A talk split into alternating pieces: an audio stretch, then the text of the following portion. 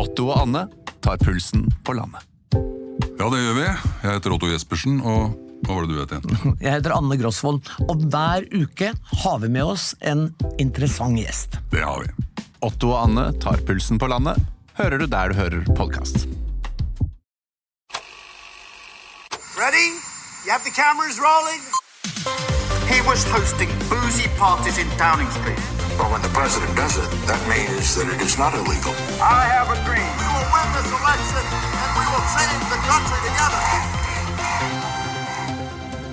The fundamentals of business. The fundamentals of business. Mental is a part of the word. Velkommen. Velkommen. Jeg heter Eirik Bergesen, Jeg heter Torbjørn Røe Isaksen. og altså ikke Sofie Høgestøl. Nei, ikke foreløpig. Du er med andre ord vikaren til Sofie Høgestøl i dag. Det er jeg. Så deilig. Er, er, Ukvalifisert vikar. Det er jo så mye snakk om de som ikke er kvalifisert til å være i skolen for tiden. ja, du er innleid eh, Vikar. uten ja. kompetanse. Uten kompetanse. dette. Og i og for seg uten lønn også. Så Det- dette er grov utnytting. Det kan du si. Um, men dette er allikevel fortsatt da min og Torbjørn da, i dag sitt eh, nokså uhøytidelige, veldig personlige forsøk på å gå bak ukas nyheter, lete etter sammenhenger, si noe om framtiden på jakt etter det store bildet, slik vi ser det hver fredag. Eller bare den ene fredagen for oss to, da. Ja. Sofie er i Italia, faktisk. Ei! Jeg vet ikke hva Er det lov å si så Er det lov å gjøre sånne italienske klisjéting lenger? Eller ja, det, og vi har et kamera her òg, så kanskje det fanget opp uh, Disse fingerbevegelsene? Ja, fingerbevegelsene. Ciao, Kanskje det- bella! Kanskje det blir promoen vår. For våre italienske lyttere Ja. så er eh, vi, Det sa faktisk Sofie her en gang, uh, our international audience, for det var på engelsk. Ja. Jeg syns det var kanskje litt vel pompøst. Ja, uh, men uh, jeg elsker Jeg vil si jeg elsker Italia.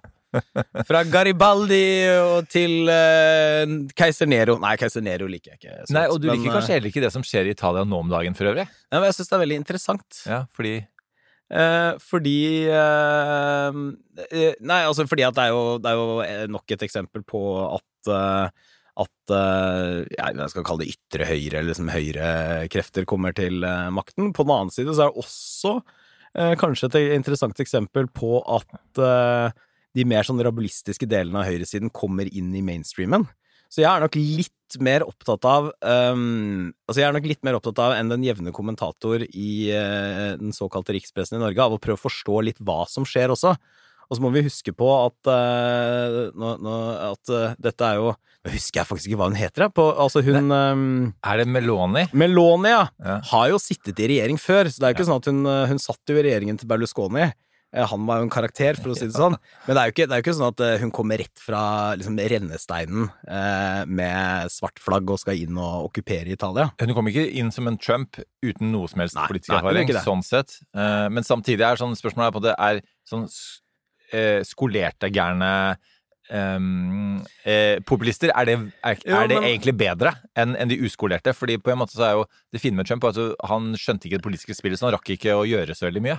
Nei, han, han gjorde jo ganske mye, da. Jeg, der er jeg Han også litt sa veldig mye. Jeg, ok. ja, nei, altså jeg mener at Trump, en av Trumps uh, suksessfaktorene bak Trump var at han faktisk gjorde det han sa.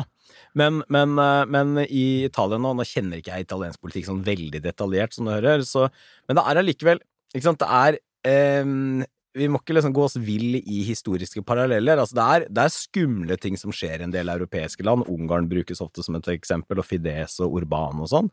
Men, eh, men det er allikevel sånn at det er viktig å skjønne hvorfor er det sånn at et stort flertall, da, sannsynligvis i Italia, ønsker en uh, høyrekoalisjon istedenfor en venstrekoalisjon. Og det er nok ikke fordi at de eh, ønsker å velte det italienske demokratiet, snarere tvert imot. Og det er vel heller ingenting som Jeg så det var, en, det var noen fra Carnegie, altså som er en sånn internasjonal stiftelse, som skrev et eh, innlegg i Financial Times her om dagen som sa at dette, dette går nok bra for det italienske systemet.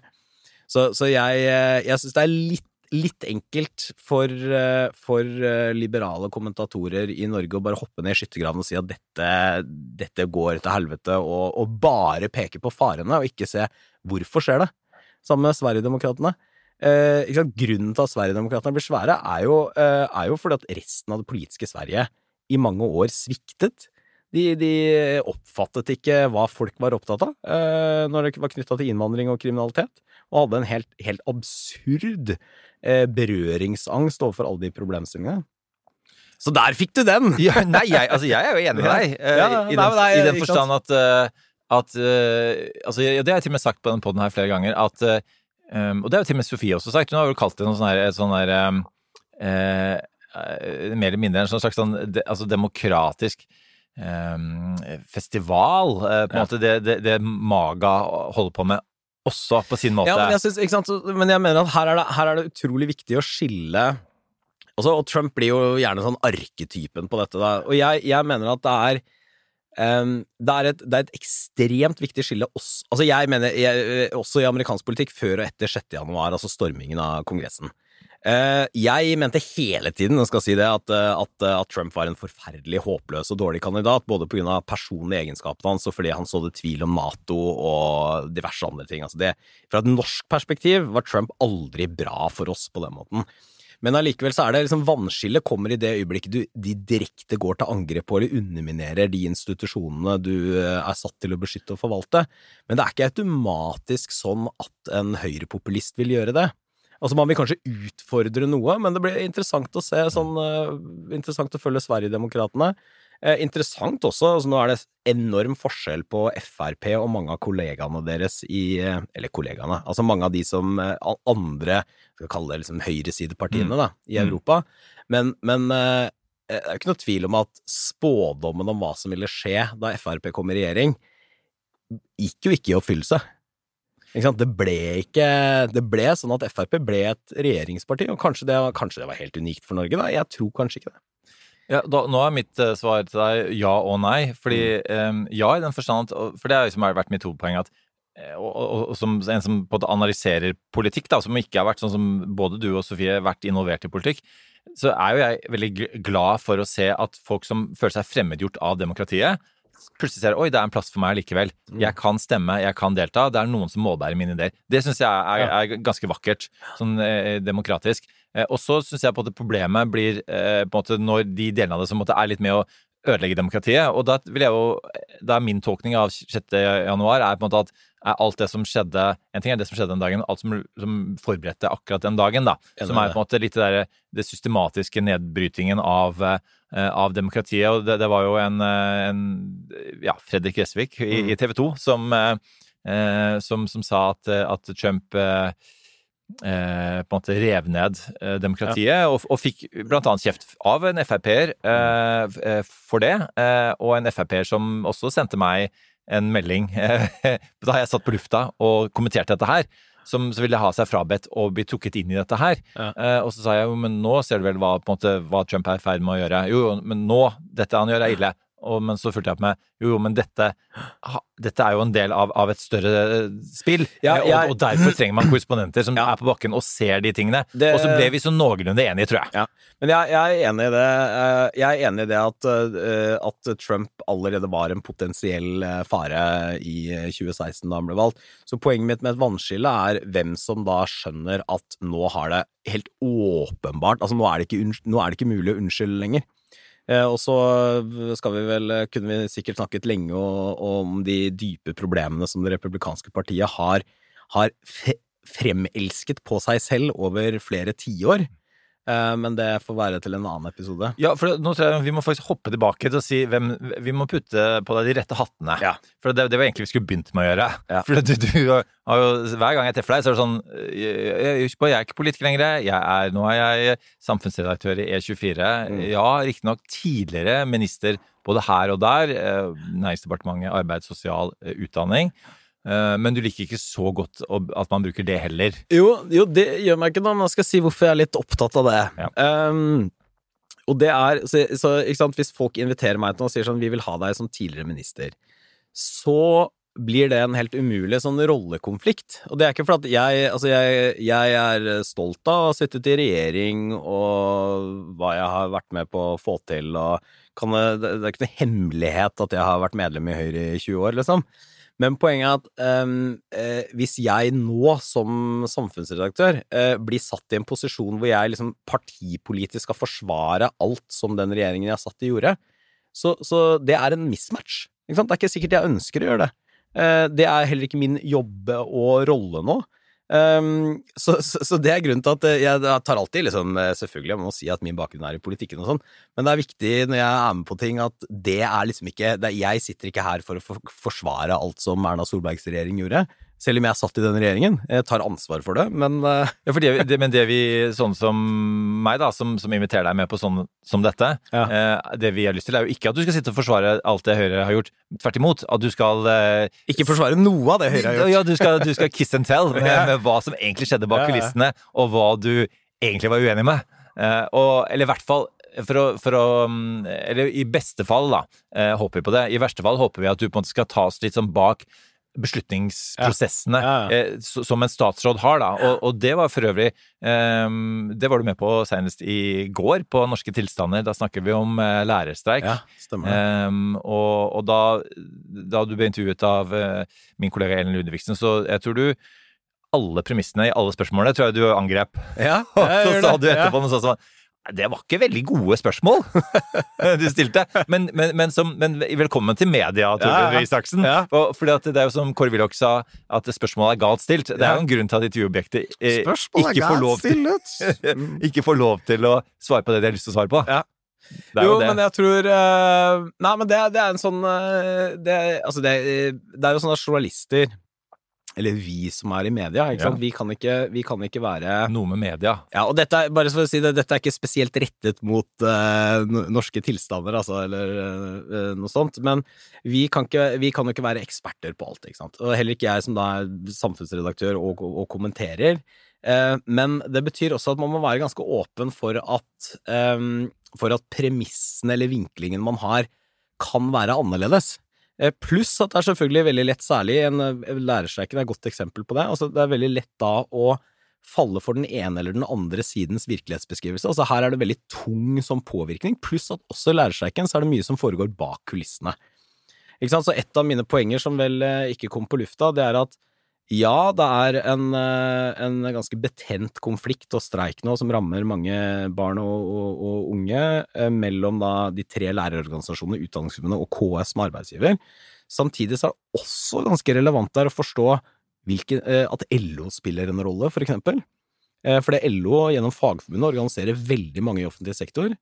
Og de er, eh, for det første, har en helt annen lønnspolitikk enn det Utdanningsforbundet har. Mm. De vil ha mer til de lavtlønte, de vil ofte ha kronetillegg istedenfor prosenttillegg. Og i tillegg så er de veldig eh, beskyttende til det som heter frontfagsmodellen, så det vil si at LO er en av de partene nå som også nok er ganske tungt eller i hvert fall svever litt over vannet, eh, og er dypt skeptiske til at lærerne skal få noe mer enn andre har fått. Ja, og så, samtidig så var en av Det er bare ett eksempel, altså. Ja, og En av grunnene til at eh, vi hadde deg med også, var jo på en måte å gi egentlig folk en sånn reality check på hva er egentlig på en måte kortene folk har på hånda da, eh, akkurat nå.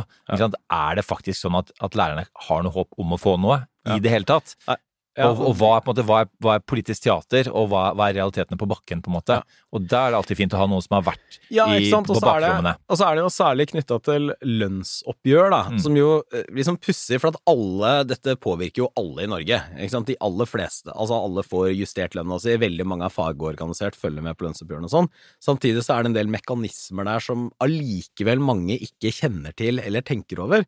Og en av de er jo for eksempel at eh, kunnskapsministeren Tonje Brenna nå hun bestemmer ikke lønna til norske lærere, eh, helt åpenbart, og hun skal heller ikke gå inn i disse arbeidskonfliktene. Altså, det, er liksom, det, er, det er en skandale, nærmest, hvis, eh, hvis eh, rikspolitikerne blander seg for tungt inn i lønnsoppgjørene, for det skal liksom partene holde på med. Ja, og, og, det, er, og det er jo fordi at ikke sant, nå, nå KS overtok fra staten, og som du sa på programmet i går også, det er jo helt logisk, fordi at de er arbeidsgiveren. Ja. Eh, så samtidig så er det det politiske poenget blir jo da så at da kan politikerne skyve det litt sånn vekk. Ja. Og, og mitt poeng i, i programmet i går, eh, for de som ikke så på, eh, det var at, eh, at det blir litt sånn derre? Nå, nå, er jo på en måte alle lærepartier mm. Vi begynte vel med Venstre, så var Høyre kjapt ute. Nå, nå er på en måte alle lærepartier. Og når alle er lærepartier, på en måte blir ingen lærepartier. Det er liksom som med klima. ikke sant? At det blir sånn ansvarspulverisering. Eh, mens for eksempel da landbruksoppgjøret, da, som jo gikk veldig bra for bøndene nå, Ja. de har jo bare e- e- ett parti som har det som Ja. hjertesak. Ja. Og det holder jo. For at når de da faktisk vil, ønsker å vise de resultater der, da, sånn at, eh, og det, er, det er jo kanskje et problem som både lærere og som, som, som klima har. Alle vil de vel, men på en måte ingen eh, Men jeg tror det gir litt- den lønnen, da. De Men det er, noe, det er noen forskjeller, altså hvor den da aller mest avgjørende forskjellen er at lønn, landbruksoppgjøret bestemmes av storting og regjering. Mm. Eh, skal stemmes over i Stortinget, det er regjeringen som forhandler. Mens lønna til lærerne bestemmes av forhandlinger med kommunene gjennom KS. Det er en veldig avgjørende forskjell. Men så tror jeg også du har helt rett i at øhm, dette Har ikke du også tatt statsvitenskap Ja da. i den tid? Så Dette lærte man, ikke sant? Så dette lærte vi om på statsvitenskapen, husker jeg, der du har konsentrerte eh, konsentrerte goder, men spredte ulemper. Altså det vil si at landbruksoppgjøret er veldig viktig for de det gjelder, ikke så viktig for alle oss andre. Da er det lettere å få gjennomslag enn for eksempel Nå er jo skole i høyeste grad noe vi alle nyter godt av. Jeg må si at jeg mener vi burde betale lærerne mer, jeg. Eh, tror det er en god investering i, i Norges fremtid. Men allikevel så er det er så mange lærere eh, for kommunesektoren, og, og samtidig så er det ikke, det er ikke mange nok, som du sier, som Altså det er, så, det det er litt engasjement hos mange, istedenfor veldig sterkt engasjement hos noen få i eh, både kommuner og andre. Det kan ha noe med hvorfor det blir som det blir. Og akkurat det du sier nå, det, der hadde vi en diskusjon på internt i redaksjonen. For selv om du da um, um, motarbeidet de fleste av premissene her, som egentlig var bare altså, å legge fram lærernes Ja. premisser, Uh, så, så sa du akkurat dette her at uh, altså, jeg er egentlig for at lærerne skal gi mer, ja, men det kunne jeg ikke si som politiker. Nei. Så hadde vi en sånn skikkelig diskusjon i redaksjonen vår. Kan, kan vi liksom bruke det i programmet? Kan vi lede med det? Eller blir liksom Torbjørn Mm. sur for det? Liksom, føles Nei. det liksom feil? Nei, du gjør ikke det, nei. Nei, nei. Nei, det nei kunne for, vi eh, for du hadde jo sagt det, og vi, Ja, ja. klippet ikke i det, og vi kryssklippet ikke heller. Nei, jeg, jeg Altså, synes, og Men det, lærerne blir kanskje litt så fortvilt. Det gjorde hun faktisk, hun læreren som var der. Fordi at det, ah, nå, nå sier han det, ja, men Ja. Hva, hva da han Nei, var det- minister? Nei, og hadde det- makt. ne- Men nettopp det er jo øh, det sånn, hem, Nøkkelen til det er jo å skjønne hvordan lønnsoppgjørene i Norge er. Ikke sant? Og det og, uh, Norge har vi har sterke parter. Ikke sant? Så arbeidsgivere og arbeidstakere, sterke parter i Norge, velorganiserte, og veldig opptatt av, normalt sett, at ikke politikerne skal blande seg inn. Så man kan kanskje Den eneste måten politikerne, liksom, eller myndighetene, da, kommer inn i lønnsoppgjør på, eh, det er Noen ganger så sender man et brev sånn i siste svingen hvor man sier sånn Kan dere hjelpe oss litt med et eller annet? Eller noen ganger blir det Ja. Eh, Men, men normalt, man skal ikke blande seg fordi at vi har frie forhandlinger i Norge. Eh, og det betyr at, at alle de som liksom ser til Tonje Brenna nå for å liksom, gripe inn eller dytte på streiken eller noe sånt, hun skal egentlig ikke gjøre det. Eh, og det er en eh, Og det er, det er også da grunnen til at eh, i Norge så er det nesten ingen politikere som, som sier sånn Vi mener at lærerne skal altså, ikke si sånn, Vi mener at lærerne fortjener høyere lønn. Men de sier ikke at vi går til valg på høyere lærerlønn, for eksempel. Men, men nå, det som har skjedd fordi at lærerstreiken har vært så lang, eh, lengste noen gang, elleve uker nå, Mm. um, og, og kanskje, det er jo sånn egentlig sånn der eh, spark til Oslo-bobla, jeg tror det var Aslak Bonde som hadde, hadde det sparket i Morgenbladet, med at grunnen til at man ikke har dekket det så veldig mye før de siste ukene, Mm. TV 2 har holdt på, holdt på noen uker, eh, er, er at eh, det ikke berører Oslo, og at Ja. Oslo-media blir så selvsentrerte. Eh, Men nå, nå, har man, nå har man sett det. eh, Og, og nå har på en måte lærerne fått lagt fram saken sin. Ja. Jeg tror alle skjønner at det står ikke så bra til, at de er frustrerte. Og, Ja. og det er jo ikke bra hvis det blir tvungen lønnsnemnd i, i den forstand at, at frustrasjonen vil fortsette. Ja. Man virker som om man må gjøre et eller annet på et eller annet tidspunkt. Da. Eh, Men, eh, eh, men, men sånn at ved neste valg, når da de samme partiene sier at vi støtter lærerne, da det vil klinge litt mer hult. Man må, det, man må tenke ja, litt annerledes, vil det ikke det? Nei, jeg tror ikke det. For at, eh, for at, nettopp fordi denne norske lønnsmodellen står så veldig sterkt. Men skjønner Eh, lærerne det like godt som det tidligere ministre, Nei, altså det, det, skjønner? det, det er godt mulig ikke, men uh, samtidig så er jo Samtidig så er jo også lærerorganisasjonene inne i det norske lønnssystemet.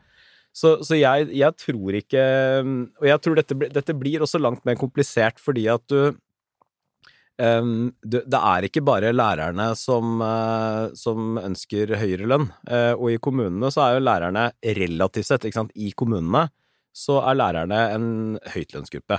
Det betyr ikke at de har kjempehøy lønn, men det betyr at sammenlignet med veldig mange andre i tjenesteytende sektor i kommunene, så har lærerne relativt god, god lønn.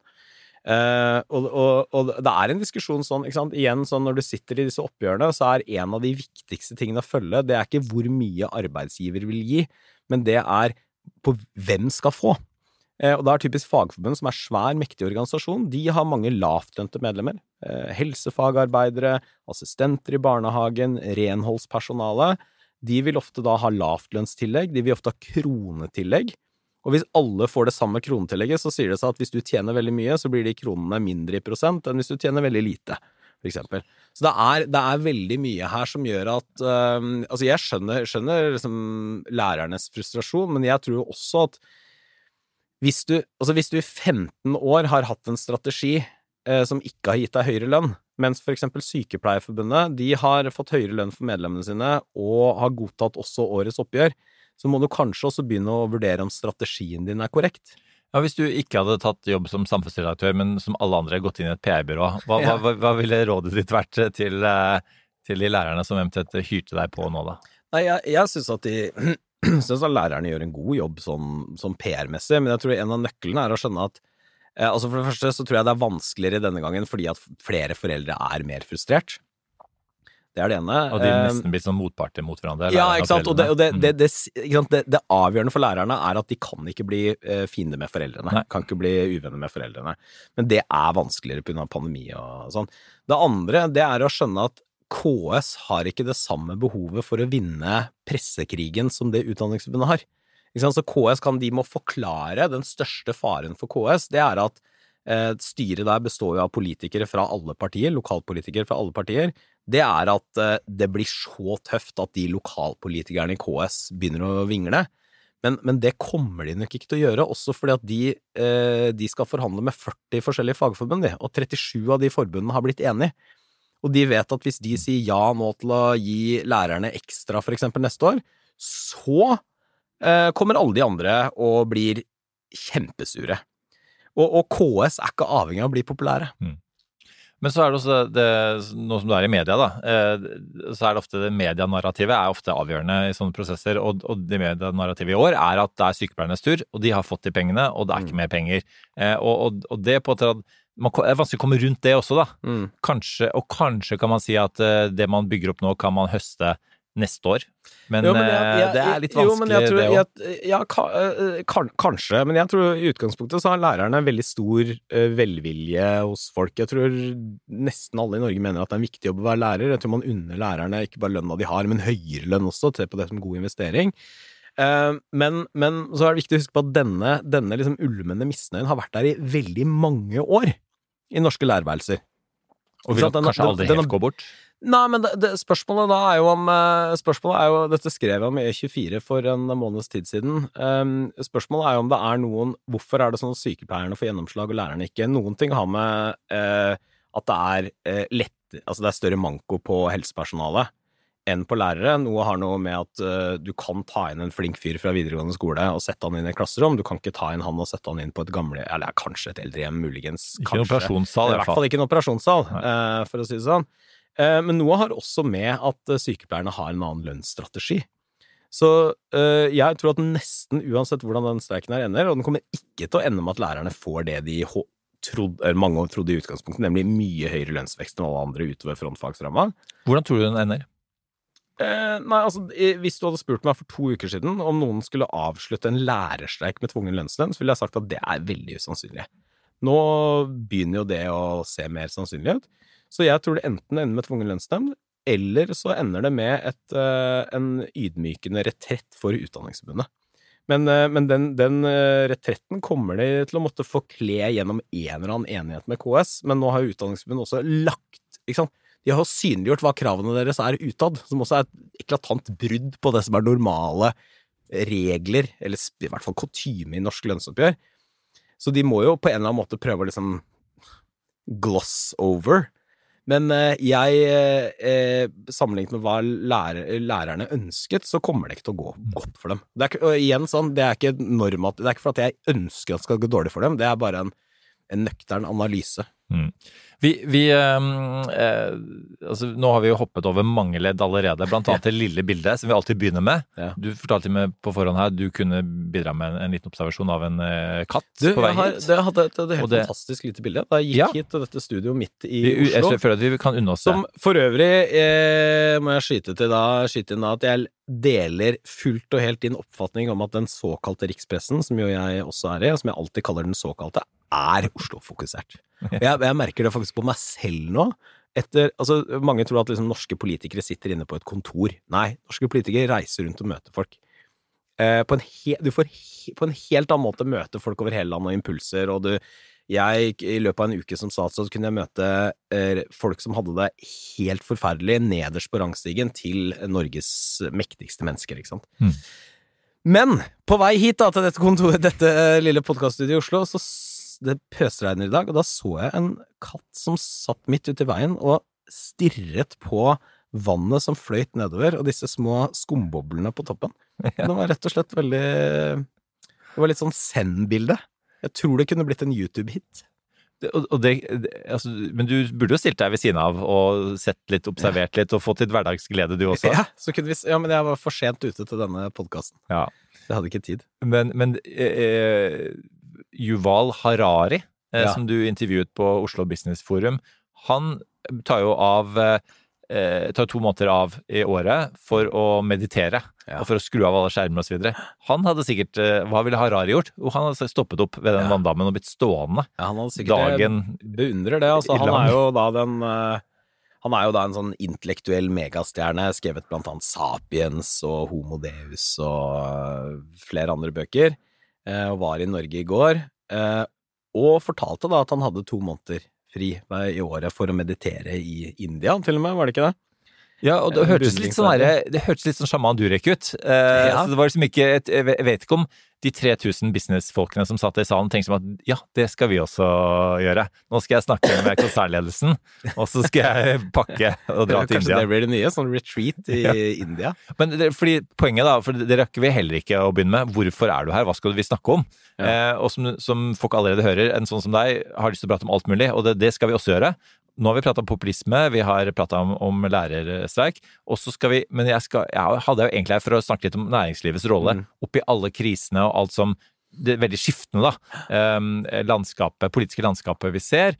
Eh, og det var jo noe av temaet for Oslo Business Forum, hvor vi traff hverandre nå. Vi hadde hver vår podkast. Du hadde med eh, Harari, jeg hadde med Carla eh, Harris, som var liksom den store attraksjonen dagen før. Mm. Det kommer i slutten av programmet, for øvrig. Eh, min prat med henne.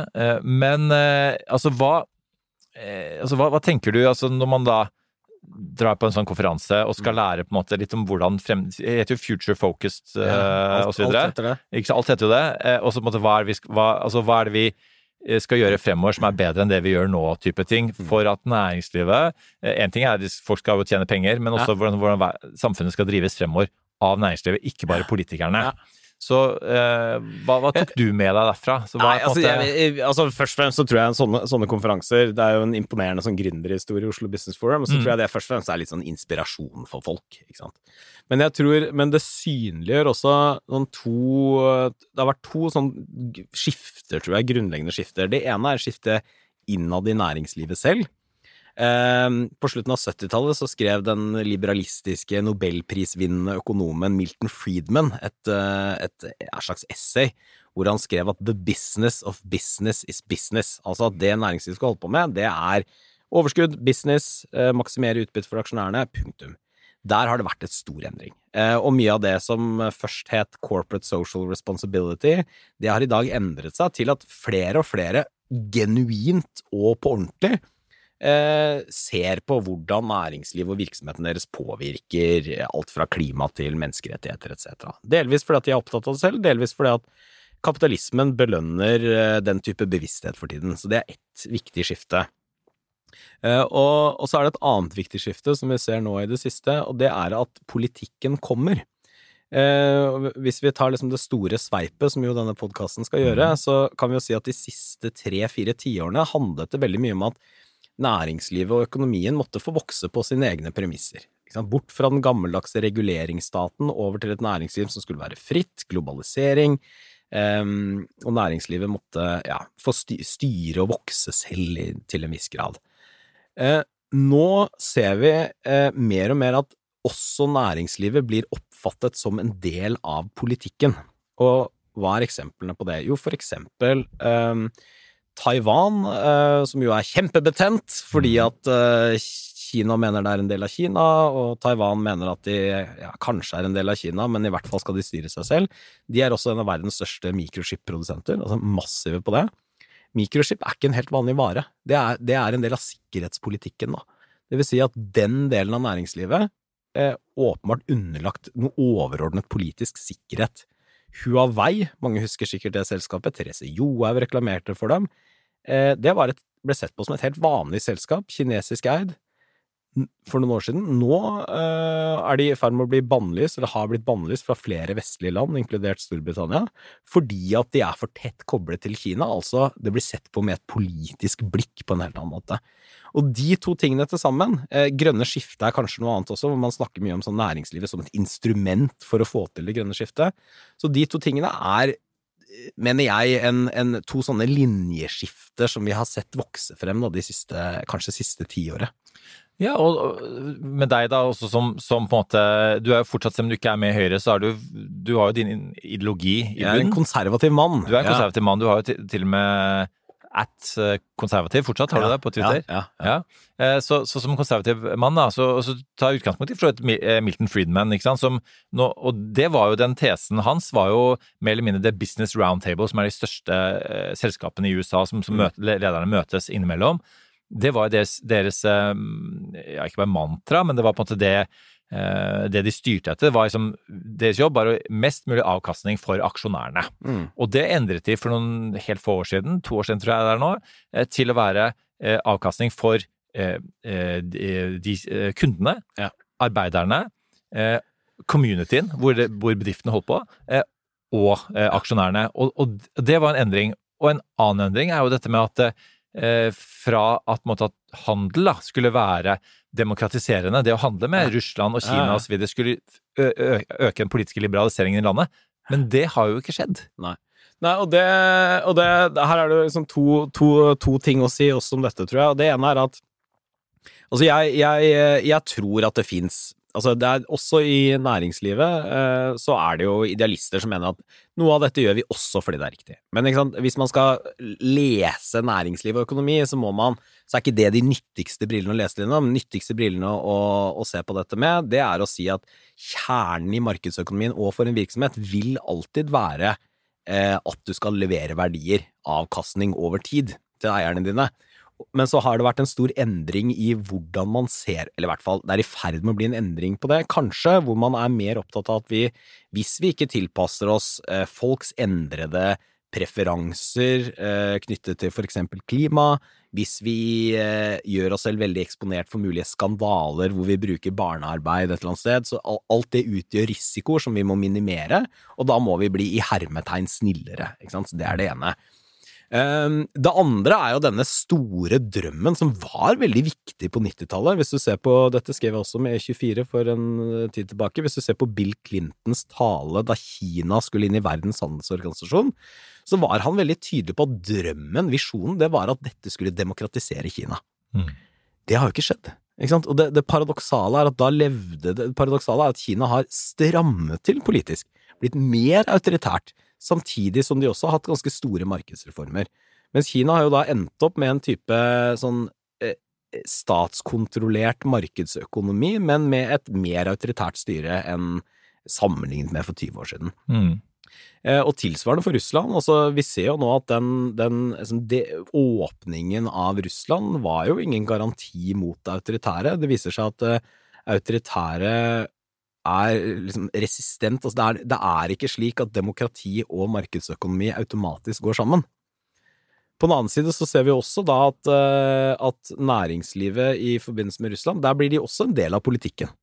Og det er interessant å se at ved siden av alle disse sanksjonene mot Russland, så er det også store virksomheter som har trukket seg ut helt uten at de egentlig er direkte eh, rammet av sanksjonene, eller i hvert fall de blir ikke Det er ingen som sier at Ikea må trekke seg ut av Russland, men de gjør det fordi det er det er uholdbart for dem eh, både renommémessig, kanskje til og med moralsk, å fortsette å være der på samme måte som de har vært. Ja, fordi det, har jo du skrevet og fulgt ganske tett, også en av grunnene til at jeg synes det var spennende å ha deg her. Altså dette sanksjonsregimet, som jo da næringslivet åpenbart er en veldig viktig del av, eh, og hvor de spiller en, en rolle som en politisk aktør. Eh, Og som du sier, det er, det er eh, både litt økonomisk òg, for at de er redd for eh, om, omdømme og så og så er det og så er det også litt sånn at, eh, at man, eh, man er lojal mot de nasjonene man er en del av. Eh, Men har egentlig sanksjonsregimet funket? Eh, nei og ja. Så ta nei først, da.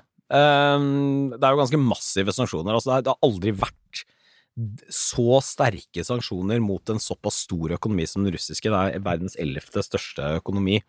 Eh, og det har ikke fungert i den forstand at mange forutså eller mente at russisk økonomi ville kollapse. Eh, det har den ikke gjort. Rubelen, for eksempel, valutaen, har hentet seg ganske kraftig inn. Eh, så, så, så er det vanskelig nå å vite akkurat hvordan det går, fordi at, og dette er kanskje symptomatisk, da, Russland har jo da sluttet å publisere en del statistikk. Men det, liksom, det, det, det går, går Russisk økonomi har ikke kollapset, men, men det er nok grunn til å tro, basert på det liksom jeg ikke klarer å lese og fange opp, at, at dette vil få stadig større konsekvenser, altså. Også fordi at en del av sanksjonene rammer eh, for eksempel sentrale deler av russisk industri. Eh, nå tjener de masse, selv om de ikke selger gass til Europa, så tjener de masse penger på ekstremt høye gasspriser, men det vil ta lang tid før de kan erstatte det massive volumet med gass til Europa og selge det andre steder. Så, så Russland har store problemer også økonomisk, og disse sanksjonene vil bite stadig hardere. Men, men første runde er, det er litt feil å si 1-0 til Putin-EU, men første runde har i hvert fall gått bedre for Russland enn det veldig mange eksperter forutså på forhånd. Mm, fordi eh, på en måte så det er jo, det er jo to kriger. Det er den militære krigen, som jo vi da, som Nato i realiteten egentlig ikke er med på. For de sier jo at vi, vi vil ikke gå inn, vi beskytter Natos grenser. Eh, Og så selvfølgelig det å selge våpen er på ulike måter en måte å være med i krigen på, men det, vi selger våpen rundt omkring i Norge, for eksempel, da, i verden, uten å være med i krigene nødvendigvis eh, direkte. Så er jo det et folkerettslig diskusjon, eh, også i hvilken grad man er medkriger osv. Men, eh, men det som vi er med på, er jo den økonomiske krigen. Eh, og, og det er vi jo del, Vi slentrer litt sånn etter EU, i og med at vi må tilslutte oss eh, ting i EU. Vi kunne hatt en lang EU-diskusjon her, Ja. eh, som jeg tror ikke vi rekker. Men, eh, men altså, vi, er- vi er jo på en måte Det er jo den ene måten vi da For vi kan rope så mye vi vil om, om hvor viktig demokratiet er, men, men uten at Russland vil høre på det. Ja. Men det de til syvende og sist vil høre på, det, det som fortsatt vil funke internasjonalt, er, er iallfall sanksjoner hvis de er effektive. Ja, hvis de er effektive. Og så vil sanksjoner altså det, Nå er det jo uh, Dette er veldig stor ikke sant? Det er, det er syv sanksjonspakker, uh, og man skal ramme alt fra russiske oligarker til øh, russisk oljesalg til utlandet, og det er veldig store forskjeller her. Men, øh, men øh, i første runde, sant? hvis målet med sanksjon, det å true med sanksjoner, målet med det er jo at du skal øke prisen for å gå til krig, sånn at du ikke går til krig. Det har åpenbart ikke fungert. Så liksom andre målet er at du skal umiddelbart svekke Russland så kraftig at de liksom tenker sånn. Det har heller ikke fungert. Både fordi at de har ikke vært villige til å tenke seg om, og de har heller ikke blitt svekket så kraftig på kort sikt, blant annet fordi at olje- og gassprisene har vært så høye. Men så er liksom det tredje, og det er jo eh, og det er desto mer relevant når dette mer og mer ser ut som det vil bli en langvarig konflikt. Dette we're in it for the long, in the, for the long term. Mm. Uh, og da er det både viktig at Ukraina må få fortsatt de våpnene de trenger. Det er helt, helt avgjørende. Ikke bare politisk støtte og applaus, men våpen trenger de. Og så må jo da kapasiteten til Russland til å stå i en langvarig krig eh, svekkes. Og det er klart, hvis Russland skal gå over til det som ofte kalles en krigsøkonomi, altså hvis hele økonomien mobiliseres med, med ett mål for øye, nemlig vinne en krig, så er disse sanksjonene eh, vil spille en mye, mye, mye større rolle. Eh, og der, eh, og det, så, så, så jeg tror at eh, selv om ikke det har liksom vært vellykket sånn på kort sikt, så er, jeg, så er min spådom i hvert fall at dette, dette svir mer og mer. Det, blir ikke et, det er ikke et dolkestøt mot eh, Russland som gjør at de liksom blør i hjel med en gang, men det er mange små papirkutt eh, som til slutt vil svekke dem. Men hvis vi eh, prøver å runde av litt her, da, Torbjørn. Prøver eh, i Ja. her. Eh, og fordi det er jo ikke det med å, å, å, å svir, det svir jo også i Norge. Og det er jo noe av det Putin håper på, er at at disse sanksjonene vil svi så mye i de ulike landene at man får en sånn polarisering, at du får ulike sånn Ja, i hvert fall partiene står opp mot hverandre. Eh, Du får, får splittelser. I Norge ser man Denne uka så var jo Listhaug ute og blant annet sa at vi må ikke skylde på Putin alene, var vel det hun prøvde å si. Og så følte mange at hun sa at, eh, at Putin egentlig ikke har så stor rolle. Ja. Og det ville vil jo sikkert Putin like å høre. Eh, Og så og så- Her, her, her møter jo, Dette er jo klassisk. Sylvi Listhaugs manglende nyanser, for å si det forsiktig, møter folks eh, intense vilje til å alltid forstå henne i verste mening. Da får man sånne situasjoner. Ja, fordi eh, det er jo åpenbart en, eh, det vi kaller en energikrise da, eh, i Norge, for å si det sånn. Og, og, og spørsmålet er på en måte hvor lenge er det vi kan stå i det der uten at, uten at på en måte populismen får ta fullstendig overhånd. Men- men vi jeg- begynte jo med populisme i dag, Ja. så da kan vi avslutte med Ja. det. Nei, jeg, jeg, jeg tror at både vi og Europa vil klare å stå i dette lenge. Og jeg tror, at det er, jeg tror at det er mulig å mobilisere også flertallet for å skjønne at dette er en, en type eksistensiell trussel mot Europa. For det er, det er det det grunnleggende sett er. Altså, dette handler ikke bare om Ukraina. Det er ikke idealistisk alene. Dette handler også om felles kollektive sikkerheten vår, ikke minst for Norge som naboland til, til Russland. Eh, Men så er jeg opptatt av at vi, vi må klare to ting samtidig. For på den ene siden så er det veldig viktig å vite og ha veldig klart for seg at Russland driver aktivt påvirkningsarbeid i alle land. Eh, Og er interessert i å nøre opp under motsetninger. Men det betyr ikke at vi kan kortslutte alle debatter ved å si at jo, men det er det samme som Putin vil at du skal si. Altså, jeg mener at det er ekstremt skadelig, og nå, nå er vi i en situasjon hvor vi må stille noen, ta opp til diskusjon igjen noen grunnleggende spørsmål rundt energisystemet både i Norge og Europa, for eksempel. Så jeg mine konklusjoner på det. Jeg mener ikke at vi skal kullkaste hele systemet, eller kaste over bord hele systemet vi har, men vi kan på en måte ikke avslutte diskusjonen med å si at eh, vi, vi kan ikke ha noen uenighet, eh, at det er det Putin vil. Og la meg ta et, ta et eksempel. Altså jeg, jeg, det er en fare for den norske debatten over tid hvis for eksempel man ikke synliggjør at ute i verden så er det mange land som eh, slett ikke syns Ukraina er så ille. Det er helt riktig at eh, Putin og Kreml ble massivt fordømt i FN, men i praksis er det mange land som fortsetter eh, å handle med Russland som før. India og Kina, to store eksempler. Og hvis vi liksom legger skjul på det, eller ikke vil nyansere fordi at det kan liksom ødelegge narrativet om at, eh, om at det bare Ukraina er like viktig for alle, så gjør vi oss selv en bjørnetjeneste. Mm. Og da, for de yngre lytterne, bjørnetjeneste er da en eh, det er, det er dårlig. Det er ikke en ekstra stor tjeneste. Det er en tjeneste som ikke egentlig er en tjeneste. Bjørneklem til og med, det høres veldig behagelig ut, men nei, det er ikke bra. Og dette var jo Richard Gowan for øvrig inne på fra mm, International Crisis Group, UN Director der i vår pod, som, som fra FNs ståsted da, er jo en mann som kan Sikkerhetsrådet bedre enn noen andre i hele verden, som vi var så heldige å ha med her, som, som sa egentlig akkurat det at mange land i verden ser på dette som en europeisk krig, mm. og som er som sier at eh, og, og de har møter om havet som, som øker, og, og øy, små øysamfunnene som er i ferd med å forsvinne, og så kommer europeerne inn, troppene inn i de møtene og sier at eh, ja, men hva med Ukraina? Ja, Ja, men vi skal, vi skal ha mat, og vi skal ha overleve, liksom. Ja, så er det en liksom Det er jo en eh, Det er jo altså Jeg mener at det er fullt mulig å kombinere en sånn realpolitisk, realistisk vurdering av situasjonen med en eh, Med det jeg mener både er liksom en realpolitisk og en idealistisk fordring at vi må stå bak Ukraina. For jeg mener at det er helt avgjørende for vår kollektive sikkerhet de neste hundre årene, altså.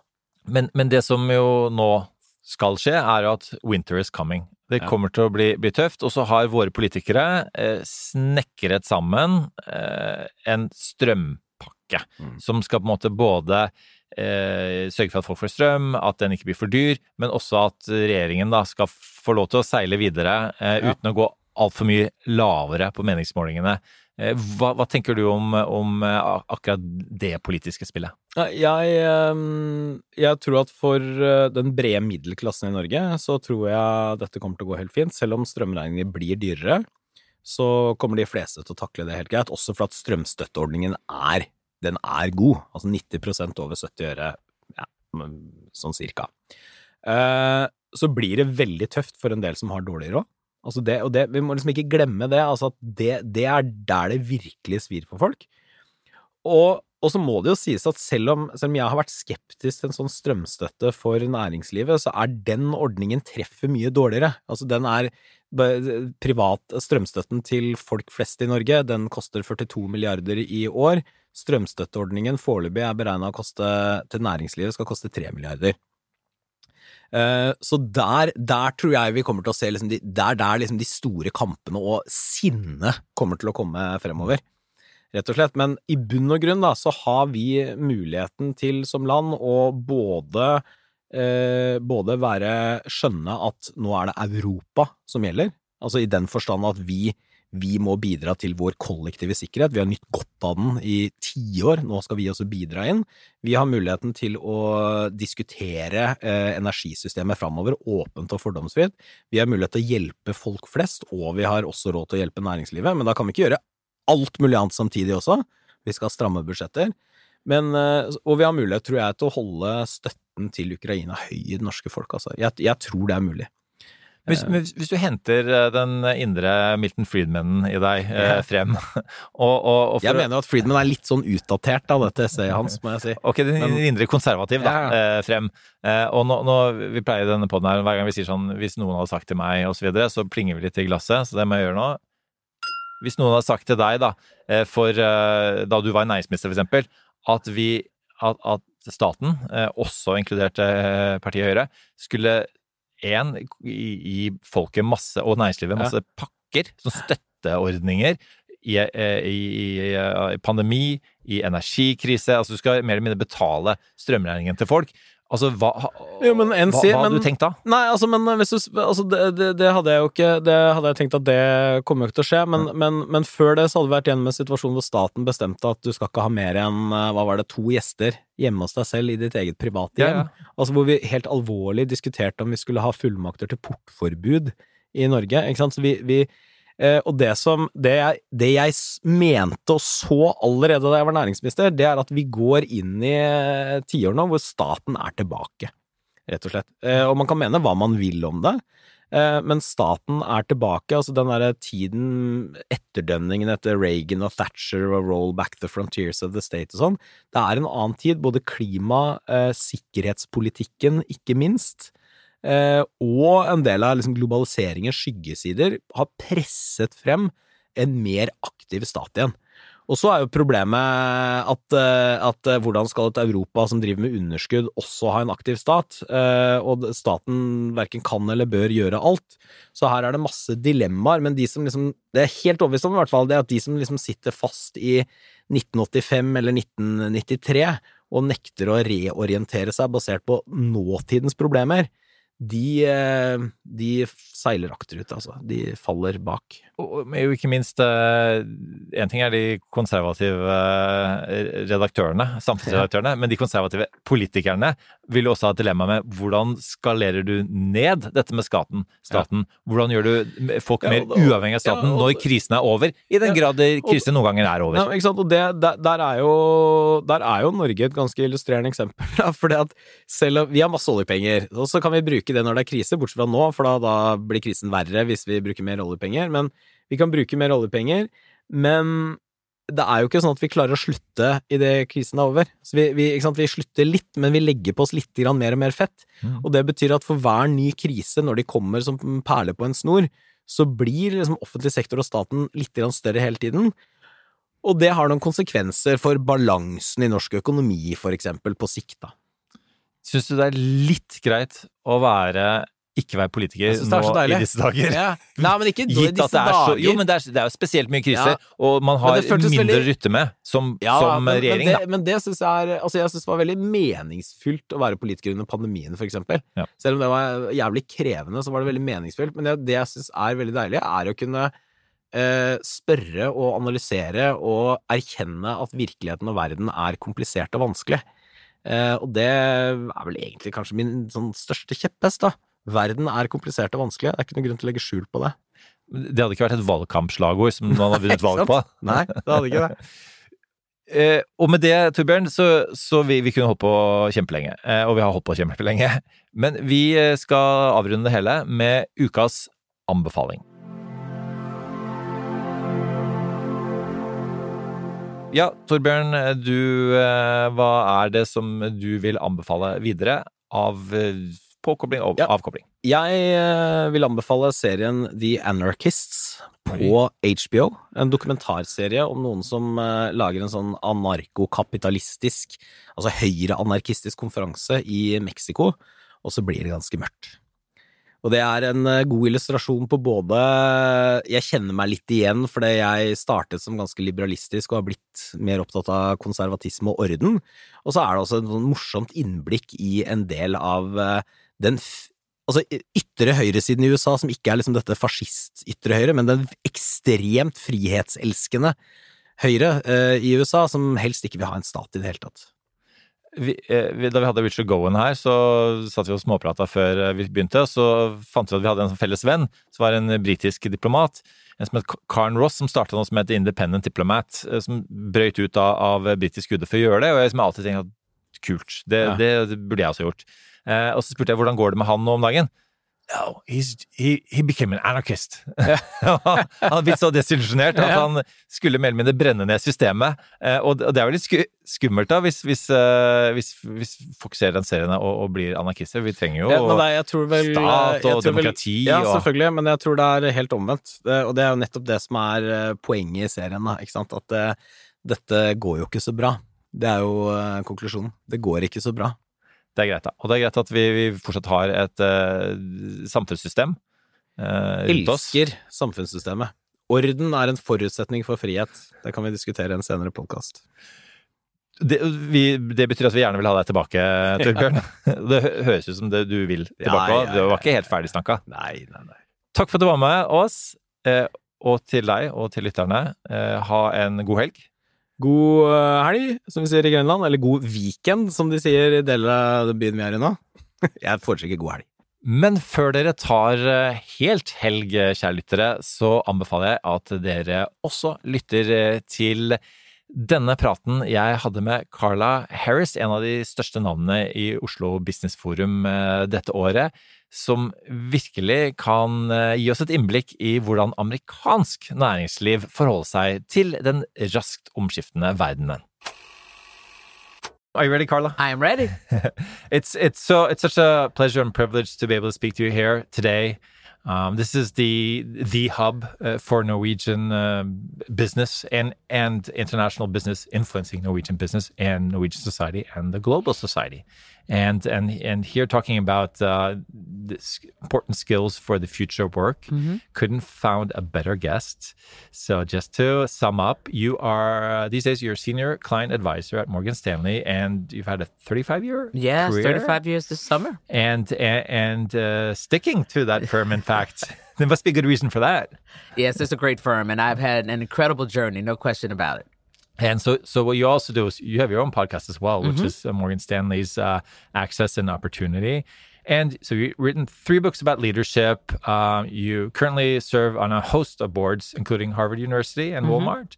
Um, also, um, you are an accomplished gospel singer Yes, who sir. has released three albums and five sold out shows in Carnegie Hall. Yes, sir. That is that is correct. That is correct. And thank you for having me, by the way. So uh, very happy to. And uh, so uh, our um, podcast is called The Big Picture, and and we couldn't help ourselves. We started talking about it immediately as we got into this uh, little st- uh, studio here uh, in Lillestrøm uh, at the conference, and because the big picture is what everybody's talking about these days, also in the business community. What's your what's your take on on that Yes. term? Yeah, the big picture, I would argue, is more important now than ever before because it has created a context for all of us to operate in. And, and it's even more important. It's a big picture of uncertainty. It's a big picture of, you know, in many ways, threats, geopolitical threats, health threats. Uh, and many of us haven't realized what has happened over the last two and a half years where we have innovated, where we have connected, where we have collaborated almost unconsciously out of necessity. It was something we were talking about before that we needed to do, but now all of a sudden we were thrust in 2020 in a situation where we had to do. It became a default. So I, I smile when I think about the last two and a half years because the big picture has created a context where we've been doing that which we needed to do and that which we better do going forward. And in such a um, quick tempo as well. hmm That's exactly right.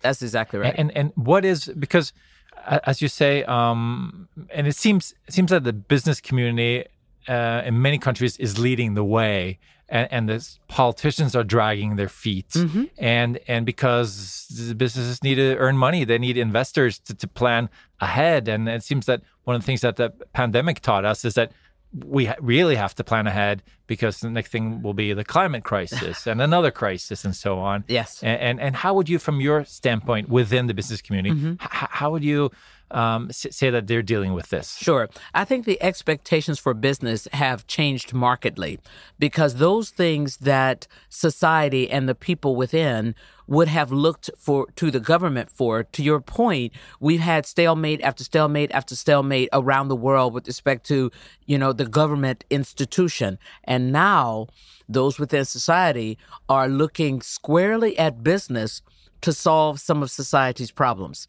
And I think that expectation is not going to change because millennials and Zers are demanding it in a way that boomers and older Xers didn't. They looked at their employers as a place to earn their living, to take care of their family, to create wealth. And now millennials and Zers are, yeah, they're looking for those things, but they're also looking at the institutions that they walk into every day saying, what is your response to what happened in that community? What is your response to climate, you know, the climate crisis that we're in? What is your response to hunger? So I think businesses now have a responsibility to answer some of those questions and frankly, to take the innovation that is inherent within business and to solve some of those problems.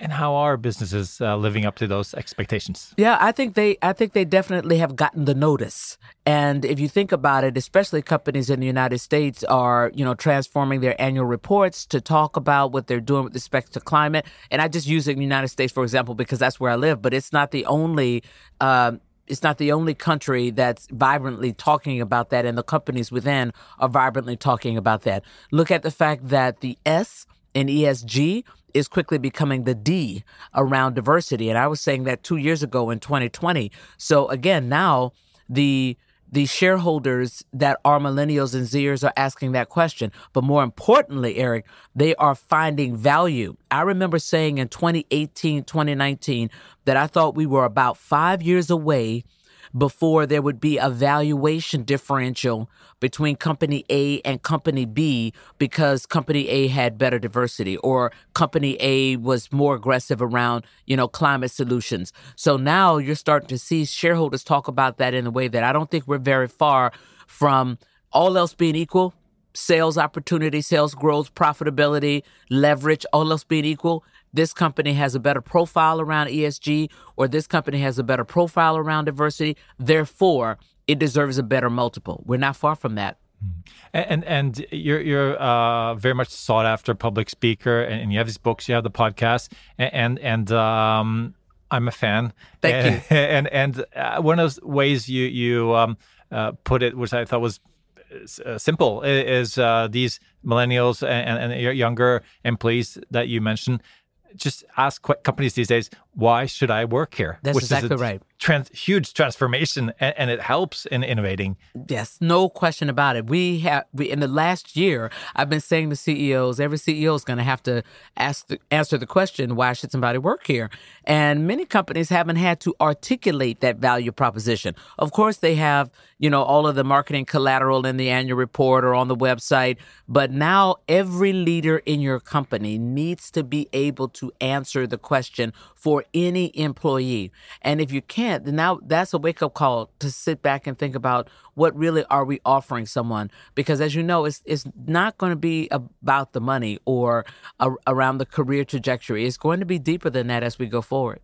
And, and uh, part of the themes uh, in this conference is uh, what are the most important skills for the future o- Mhm. of work. And so if you turn flip it upside down and and uh, talk to the to, to, to our, our listeners, which actually um, half of them are, are uh, under 35. So they're either starting up their careers or, or they're figuring out their careers. Sure. Um, you know, w- what's important for them uh, to, to play a role in, in the future business world? Yes. So, first of all, I believe you can lead from any seat. So, even if you are just starting out in your career, you can demonstrate the behaviors of a leader, and you'd be surprised how people will follow you no matter where you are. But I think there are some basic skills that you have to have, especially if you're starting out in your career. And one of them is obviously being technologically proficient. You don't have to be an expert, but you cannot be afraid of technology. And you have to be comfortable with social media as a way of communicating because more and more people are looking at that as a way to communicate as well as a place to get all of their information from. So you got to be comfortable there. You also have to figure out what's the key success factors for the job that you're doing. You know, if you're producing a podcast, do do you understand, you know, all of the assets that you you need? Do you understand sound? Can you produce audio? So understanding all the different pieces. Uh, if you're doing an emerging business, for example, making sure that you get comfortable not only with the numbers but products and how how do you engage with customers? How do you listen to customers? One of the most important skills that a leader has to have as well as somebody building their career is listening skills. Because i realize now people will tell you exactly what they value.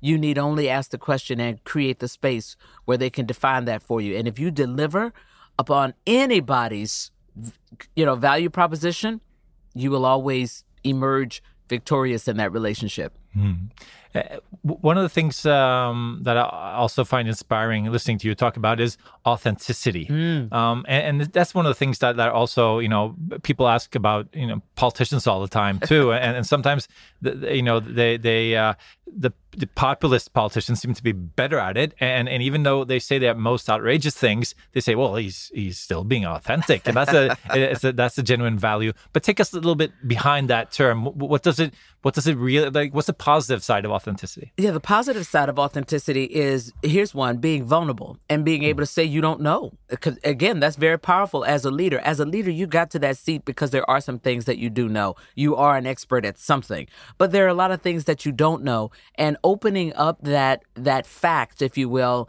invites those who are working with you to contribute. And it also suggests, and this is where you you have to be intentional. It also suggests that you might value somebody else's contribution, and that's pretty inspiring when you're working with someone that you know they value your comment, they value they value what you're going to bring to the table. Um, and I think it's important as a leader to be intentional about giving praise and about giving feedback. So again, authenticity says, you know, Eric, that was an awesome job. You knocked it out of the park. Or Eric, mm, that was less than. I don't believe in any way that that was your best. And let me tell you why I don't believe that that was your best. And and calling a thing a thing is also a part of authenticity. But let me give you one last point as to mm-hmm. why it's so important. We're all going into unknown territories none of us can call what's really on the other side of this pandemic. And frankly, are we on the other side of the pandemic? And so, if you're going to lead people into unknown territories, they have to trust you. And trust, in order to build trust, you have to have transparency. And in order to be credible in your transparency, you got to be authentic. So I don't care how you how do you do it.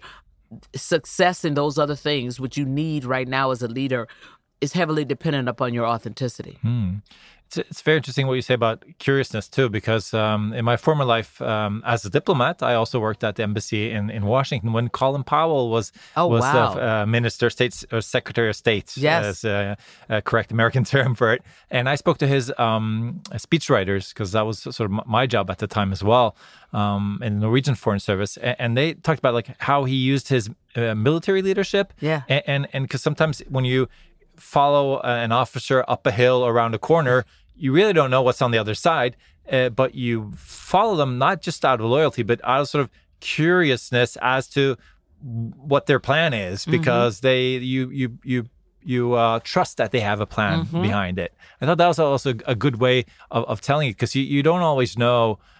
You know, you you have to trust the leader. You, Right. have to have some uh, trust as a basis as well. hmm But I would say that that curiosity is hand in hand with confidence.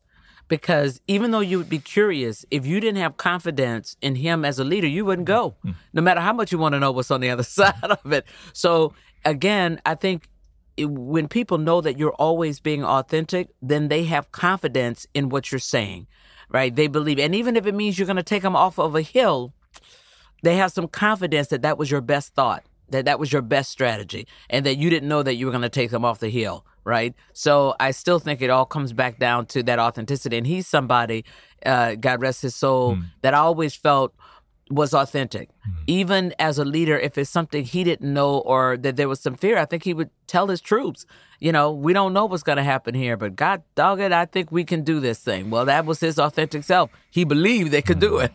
And, and he was also talking about uh, admitting your mistakes. He was, I think he was the only political leader that admitted mistakes after the Iraqi war, in fact, which also speaks volumes. But so um, you're speaking here today. Um, you've spoken at, at a similar conference in Helsinki.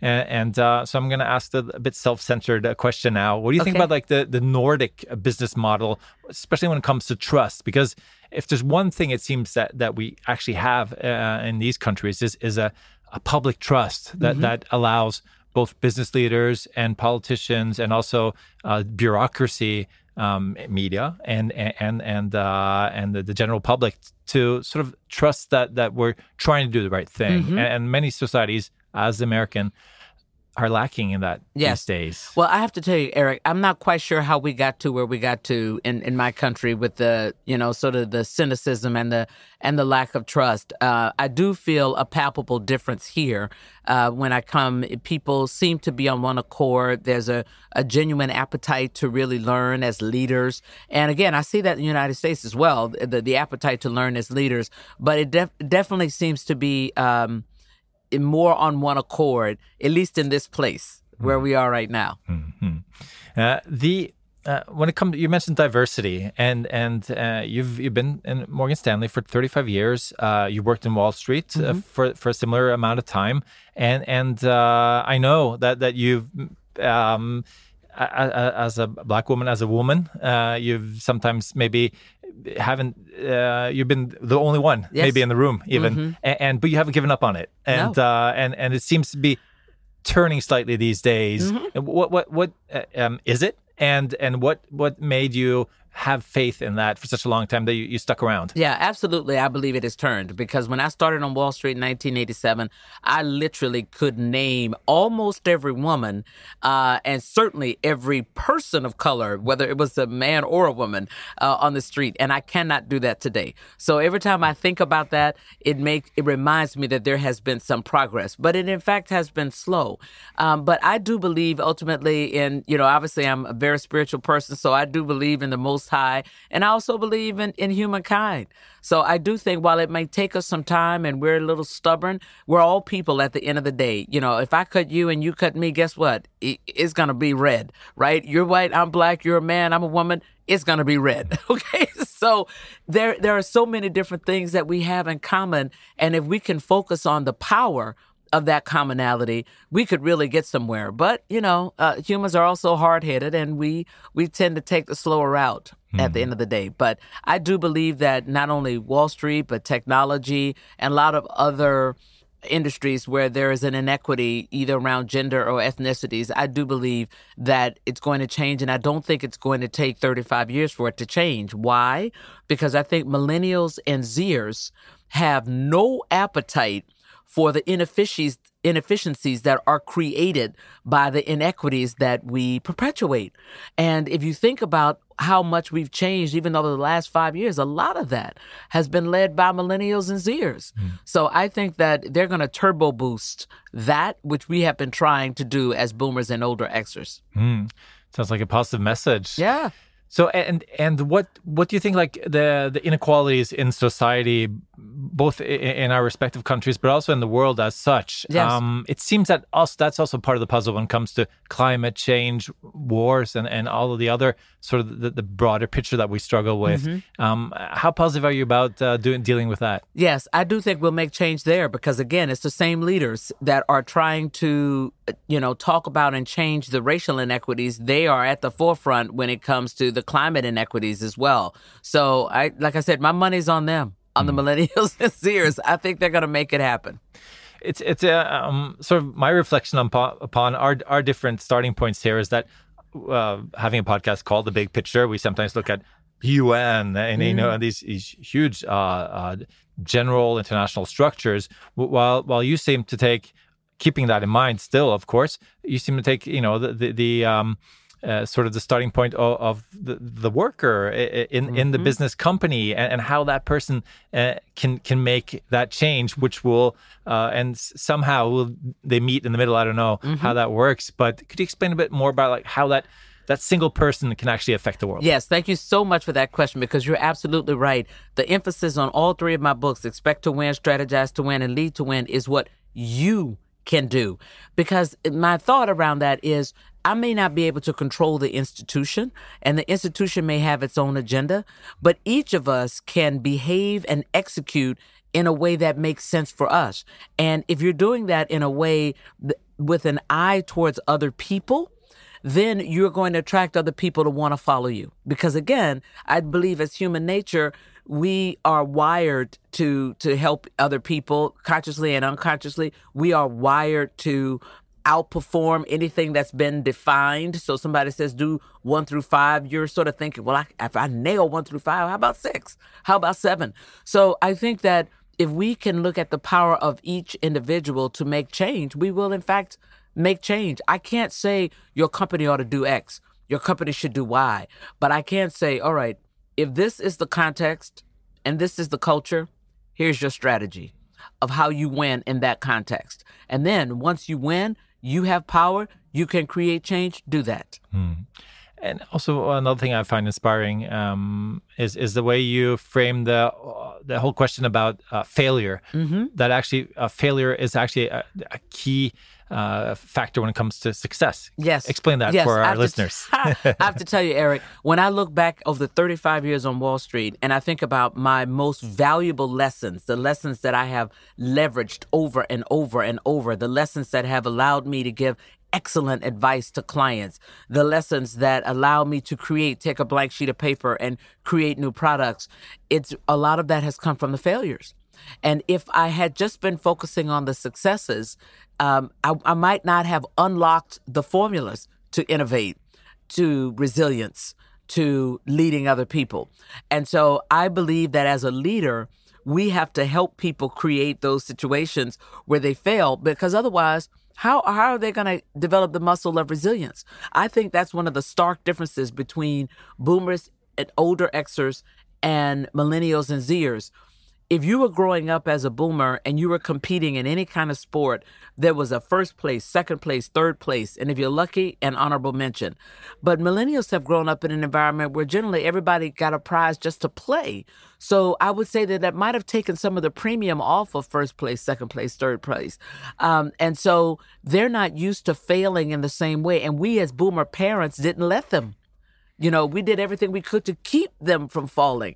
And I look back now, and when I talk to millennials and Zers, they do they're deathly afraid of failing. Hmm. Whereas we we know as boomers or older Xers, we go, oh, hmm, there'll be another shot. Hmm. Oh, oh, this too will pass. We even have adages, you know, that are spiritual and not spiritual to say, "Oh, next, and they're they're paralyzed.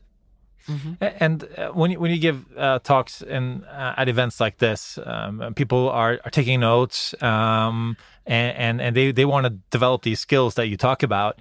Uh, is is it um, how difficult is is that uh, in reality uh, to, to learn from from this, somebody who has who knows what they're talking about and implement it in your own uh, in your own personal uh, and business life? I don't think it's difficult at all as long as they are prescriptive. And that's one of the reasons, Eric, that I speak in a prescriptive manner. Because when you give somebody macro advice like, oh, you should talk to your boss, that doesn't seem right. Okay, well, it doesn't matter how smart that person is. They're thinking, when you say that, they're thinking, and what do I say? What is the script? How do I approach that? But a lot of people don't have the courage to ask that second order derivative question. Well, Eric, what do I say? Give me the words. Because you're thinking, well, I'm too smart. I don't want him to know that I don't know what the words are. And so you walk away with the advice, but no understanding of how to execute. So that's why when I speak and I give the pearls, I say, oh, and this is how you do it. or here's how you think about it because I want you to have a complete solution. Now, you may not want to use my solution, but you're not going to walk away from me without the how because people don't execute because they don't have the how. They might have the understanding with the why, but not the how, so they don't do it. And um, um, oh, um, okay, so I this was actually a trick question because uh, I've heard you answer that question before, and and the person who asked you that question followed up, asking you, "But what about drive? Yes. Um, is that teachable?" And then you you you said something about that. Mm, maybe that's something that you have to have from within. And if if I just add to that question, and, and so so given uh, your career, um, you know, the public speaking, the books, the podcast, the singing, uh, there, there's a certain drive there.